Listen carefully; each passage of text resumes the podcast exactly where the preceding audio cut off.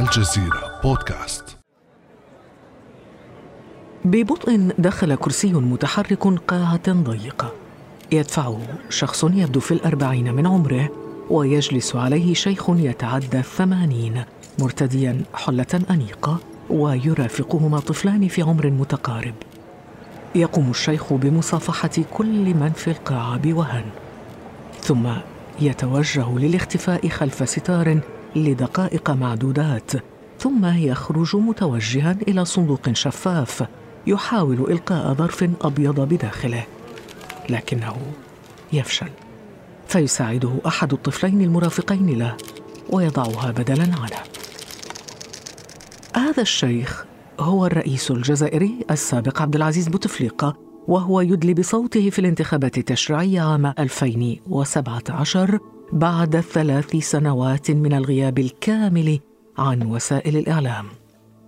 بعد هذا المشهد بعامين أعلن بوتفليقه نيته الترشح لولاية خامسة فانتفضت الجزائر واستمرت الاحتجاجات لنحو عشرة أشهر شهدت رحيل الرئيس الشيخ وصولا إلى فرض إجراء انتخابات جديدة رغم رفض المحتجين. فهل تشكل هذه الانتخابات أداة حل أم أداة تأزيم للوضع في الجزائر؟ بعد أمس من الجزيرة بودكاست أنا خديجة بن جنة.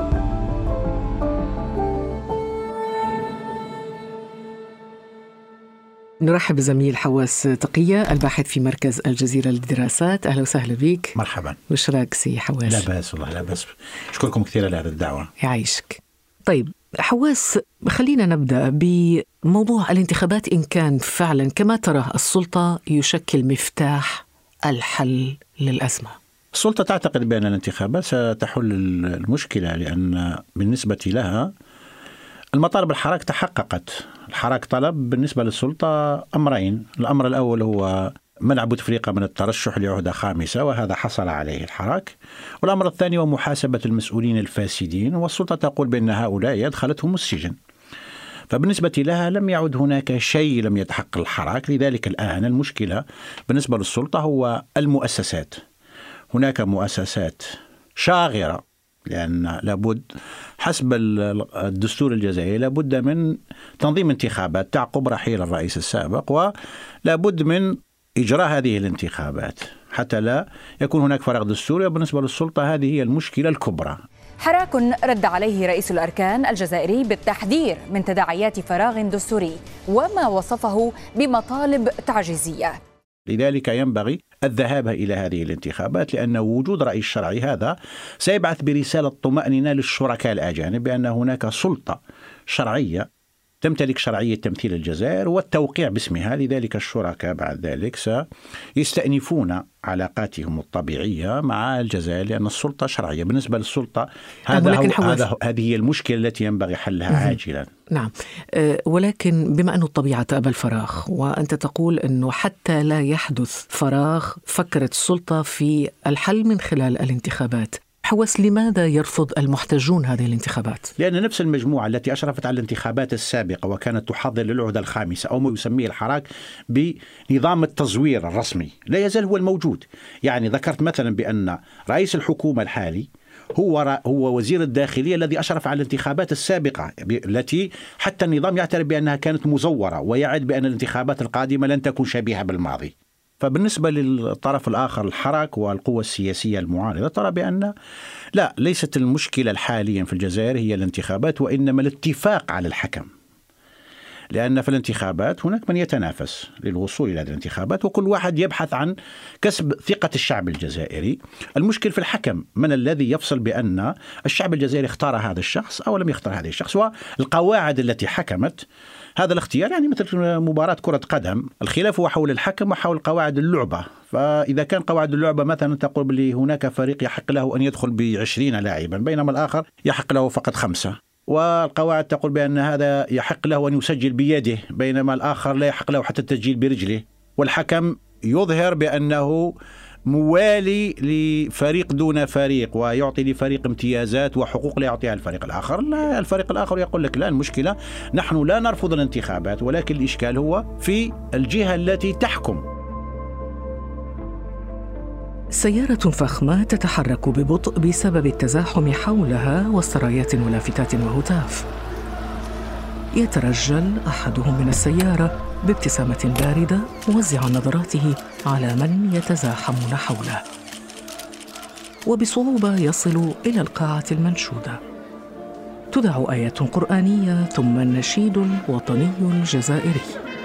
ويقف الجميع تحية له. ثم تبدأ الخطابات.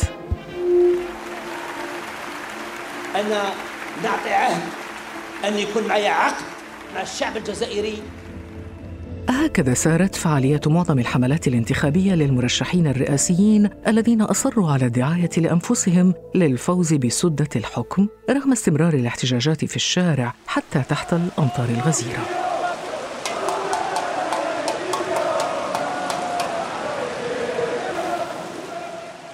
حواس ماذا عن هذه الحملات الانتخابية إذن؟ هذه الحملات الانتخابية هي تؤكد المخاوف من أن الانتخابات لن تحول الأزمة، لأن ما معنى ما يجري؟ ما يعني ما يجري أن الحراك يقول بأن الذي يجري هو بالظروف الحالية بإشراف نفس الإدارة التي أشرفت على الانتخابات السابقة وكانت تحضر العهدة الخامسة هذه تحضر لتزوير أو للإبقاء على النظام لذلك إذا كان هؤلاء المترشح من الآن ينظر إليهم هكذا شعبيا بأنهم جزء من عملية التزوير القادمة. هذا كيف هذا هذا كيف هذا كيف وهم بن فليس آه، بالعيد بن قرينة عز الدين ميهوبي مجيد تبون. ومجيد تبون عبد المجيد تبون. فهؤلاء كلهم كانوا جزء من النظام السابق بمستوى من المستويات.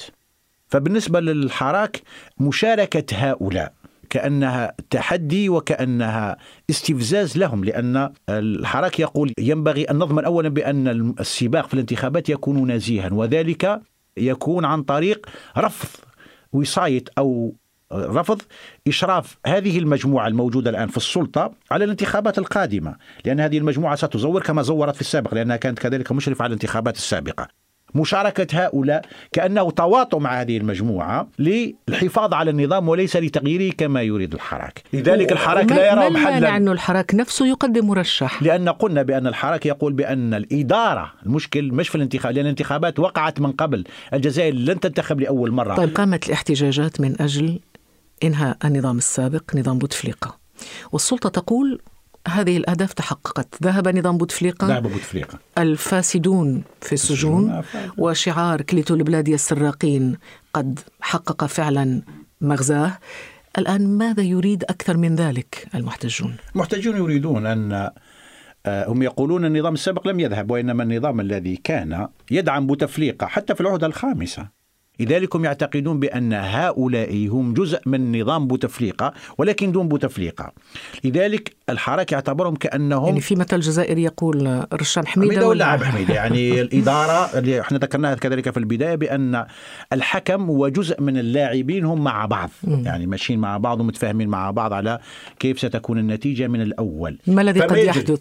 نعم ما الذي قد يحدث؟ الذي يحدث إذا جرت الانتخابات كما تريد المؤسسات القائمة وكما يريد قائد الأركان هذا ما الذي سيشعل الحركة؟ سيشعل الحركة بأنه تجاهلت مطالبه وبأنه لا يؤخذ بعين الاعتبار ما يريد هو وسيشعر بأكثر من ذلك بالظلم بمعنى أن مؤسسات الدولة يعني القائمة لم تكن عادلة ومنصفة بحيث تعطي فرصة للجميع وتوفر وتوفر الظروف المواتية للجميع ليعبروا عن آرائهم وذلك سيجعل الحراك يفقد أكثر ثقته في مؤسسات الدولة. هذا كله سيجعل الحراك يزداد في في سخطه على الوضع القائم. حوث خلينا نذهب إلى أبعد من ذلك. جرت الانتخابات وفاز أحد الخمسة الذين ذكرت أسماؤهم. هل نحن أمام مشهد يكون فيه رئيس جمهورية غير مكتمل الشرعية؟ هذا هذا الذي سيجري وكيف يؤثر ذلك؟ هذا أحد الأبعاد أنت ذكرت أحد الأبعاد وهو أن خارجيا سينظر إليه بأنه رئيس آه، حصل رئيس نص كوم أنه يعني. حصل حصل آه، حصل على منصبه لكن في ظروف وفي وفي شروط لا توفر الشرعية الكاملة. لذلك القوى الدولية القوى الدولية ستتعامل بحذر مع هذا الرئيس لأن بالنسبة لها لا يمثل الإرادة الحقيقية للجزائر خاصة مع استمرار استمرار الحركة. والملاحظة أن مثلا لأول مرة في تاريخ الجزائر تقريبا يعني منذ التسعينات لا لا يوجد هناك مراقبون خارجيون الانتخابات ليس تجرى, هناك دا رقابة تجرى داخليا خارجية. وحتى بالنسبة لوسائل الإعلام وح- وسائل الإعلام التي لا رقابة داخلية. ولا رقابة خارجية لا, لا, لا هي فهذا هذا الذي يخاف منه الحركة. الحركة ليست له رقابة أو ليس الشخصيات التي يثق فيها الحركة ليست لها رقابة على ما يجري وخارجيين ليست كذلك لهم رقابة وليس على هناك داخليا. تقبل حتى نفسيا وليس فقط سياسيا لوجود رقابة خارجية بعد الموقف البرلمان ال- الأوروبي. ونظم اليوم الاتحاد العام للعمال الجزائريين مسيرة بالجزائر العاصمة للتنديد بتصويت البرلمان الأوروبي على لائحة بشأن حقوق الإنسان في الجزائر. في أجواء مترقبة بدأت حشود بالتجمع في نقطتين مختلفتين. المظاهر نفسها لافتات وأعلام لكن محتوى اللافتات كان مختلفا. انطلقت المسيرتان واحدة محاطة برجال الأمن لحمايتها وبكاميرات التلفزيون الرسمي لنقلها وهي المسيرة التي خرجت لرفض التدخل الأجنبي والمطالبة بإجراء الانتخابات الرئاسية. اليوم الجزائر لازم لها رئيس رئيس اللي بينما كانت المسيرة الأخرى أكثر عفوية وتلقائية ومنعدمة التأمين ليس حولها رجال أمن والتغطية الإعلامية منعدمة وهي المسيرة الرافضة لإجراء الانتخابات.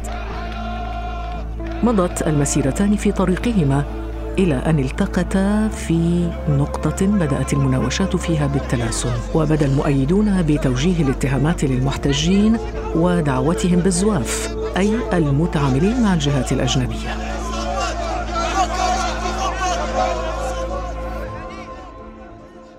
حواس إلى أي مدى هذه الاتهامات يمكن أن تطال الحراك في صلبه أو تؤثر عليه؟ اتهام الحركة بأنه تحركه قوة خارجية هو تقريبا يعني الآن ليس رانا كم من مرة وقائد الأركان وكذلك ال- المسؤولين في الحكومة إما يلمحون أو يصرحون بذلك. لكن الإشكال هو أن السلطات لم تستطع إقناع القطاع الآخر من الجزائريين أو تخويفهم بأن الجزائر قد تضيع لأن هناك قوة يمكن أن تعبث بأمنها من خلال الحراك لأن السلطات كما ذكرنا هي التي تستدعي تدخل خارجي وذكرنا أن رئيس الدولة هو الذي طلب مقاملة بوتين ليطمئنه على الوضع في الجزائر. وكذلك قائد كان بوتين خايف قائد الاركان كان يجتمع داخل قائد الاركان كان يجتمع مع الرئيس بوتفليقة داخل مستشفى عسكري في فرنسا اجتماع حكومة. كذلك كذلك و- وتحت صورة الرئيس الفرنسي آه، أكثر أكثر معلقة أكثر من. ذلك. قائد الأركان الحالي هو الذي سمح لفرنسا بأنها تستعمل الأجواء الجزائرية لضرب شمال مالي. هذا لم يحدث في تاريخ الجزائر. أي أن النظام الحالي هو الذي كان يقدم خدمات جليلة للخارج بينما الحراك هو الذي يقول ينبغي مثلا من, من شعارات الحراك اعملوا انتخابات في الإمارات. وهم يلمحون للعلاقة المميزة بين قائد الأركان والإمارات فهم يقولون بأن الإمارات بالعكس الحراك هو الذي يريد أن تكون الانتخابات بعيدة عن التأثيرات الخارجية وكذلك الحركة هو الذي يقول يا أولاد فرنسا فهو الذي يصف السلطات الجزائرية القائمة الآن بأن هي السلطات التي قدمت خدمات غير مسبوقة لفرنسا. هل هناك بالنسبة للحركة هل هناك أكثر من أن الذي يعالج الرئيس بوتفليقة هم الجيش الفرنسي في مستشفى عسكري هو الذي يعرف أسرار رئيسنا وهو الذي يعرف صحة رئيسنا. هل أكثر من ذلك؟ أكثر من ذلك أن نذكر مثلا أن الرئيس الفرنسي هولند السابق هو الذي كان كل مرة يأتي ويقول بأن الرئيس بوتفليقة في صحة وبخير ويمكن أن وهو رئيس عظيم ولا شبيه له. الرئيس بوتفليقة أعطاني انطباعا بأنه يملك كل قدراته الذهنية. ومن النادر أن ألتقي رئيس دولة بكل هذه القدرات الذهنية فهو يستطيع أن يقدم لك حلا لكل الأزمات في العالم. خلينا نكون واقعيين. الآن ما هو الحل؟ هل ما هي السيناريوهات المطروحة؟ لهذا المشهد الذي يبدو أكثر تعقيدا اليوم من أي وقت مضى. الحراك يقدم حلا. الحراك يقول تنظم الانتخابات ولكن بإشراف جهات هذه كذلك نحن نثق فيها. نثق بأنها لن تزور ونثق بأنها ستحترم أصوات الجزائريين وستوفر شروط العدل والإنصاف في المسابقة. مثلا يعني حاليا وسائل الاعلام العمومية مغلقة في وجه أي أحد يعترض على الانتخابات. هذه ليست هي الشروط التي ستجرى فيها الانتخابات وتكون نزيهه لابد من إنصاف. ما معنى الإنصاف؟ يعني مثل في كرة قدم. لابد الفريق الآخر كذلك يكون له نفس الحقوق. الفريق الآخر ويكون الحكم عادل في تطبيق هذه في احترام وفي ضمان حقوق الفريقين. نفس الشيء. شكرا لك حواس تقية الباحث في مركز الجزيرة للدراسات. يعطيك الصحة. شكرا. شكرا لك. إذا يتنحى وقع كليتو البلاد يا السراقين لا انتخابات مع العصابات وشعارات أخرى كثيرة. هل ستتحقق على الأرض؟ إن غدا لناظره قريب. كان هذا بعد أمس.